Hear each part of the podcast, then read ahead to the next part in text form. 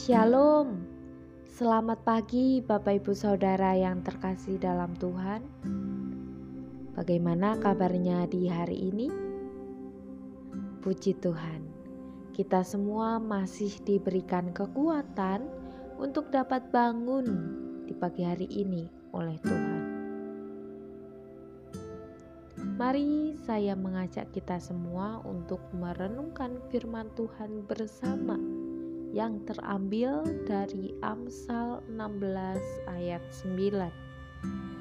Amsal 16 ayat 9. Hati manusia memikir-mikirkan jalannya, tetapi Tuhanlah yang menentukan arah langkahnya. Hati manusia memikir-mikirkan jalannya, tetapi Tuhanlah yang menentukan arah langkahnya.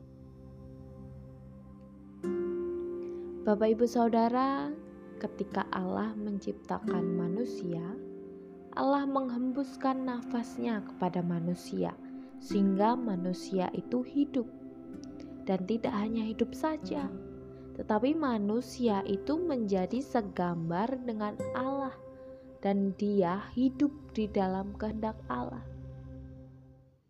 Tetapi sayang sekali, setelah manusia jatuh ke dalam dosa, maka semuanya itu berubah. Manusia kehilangan gambar Allah. Ia pun hidup di dalam dosa pemberontakan. Dan lebih parahnya lagi, dosa menyebabkan manusia jauh daripada kehendak Allah. Bapak, ibu, saudara, saat ini bersyukurlah karena oleh Yesus Kristus kita telah memperoleh jalan untuk mengetahui kehendak Allah. Sebab apa yang terbaik untuk manusia hanya terdapat di dalam kehendak Allah. Di luar kehendak Allah, maka manusia akan celaka dan binasa dan Tuhan memberikan kepada kita kehendak bebas untuk dapat memilih apakah kita mau masuk ke dalam kehendaknya atau mau ikut kehendak diri sendiri. Bapak, ibu, saudara, penting bagi kita memiliki pikiran Allah setiap hari sehingga setiap keputusan dan setiap tindakan yang kita lakukan, yang kita ambil itu adalah pikiran dari Allah sendiri. Kalau kita lebih menurut akan keinginan daging atau pikiran kita sendiri, maka dosa itu sedang mengintip kita. Dan apabila dia telah masuk menguasai kita, maka kita akan menuai hasilnya. Yesus mengatakan bahwa iblis itu seperti pencuri. Ia mencuri pikiran kita dengan cara merayu kita. Jika kita terpikat dan jatuh ke dalam tangannya, maka kita akan jatuh ke dalam dosa.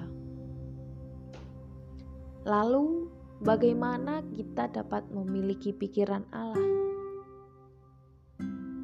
Bapak, ibu, saudara, inilah yang menjadi keharusan bagi setiap orang percaya, yakni membaca dan merenungkan firman Allah setiap hari. Karena dari situlah kita akan selalu diingatkan apa yang Allah pikirkan bagi setiap kita orang-orang yang percaya kepadanya. Bapak Ibu Saudara, kita boleh memiliki rencana dan itu sangat baik bagi kita. Namun kita perlu ingat di dalam kita merencanakan sesuatu itu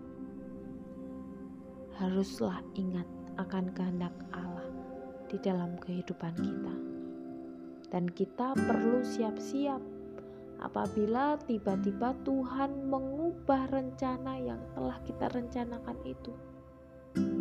karena itu tidak sesuai dengan apa yang diinginkan oleh Allah di dalam kehidupan kita. Jangan kecewa, jangan marah,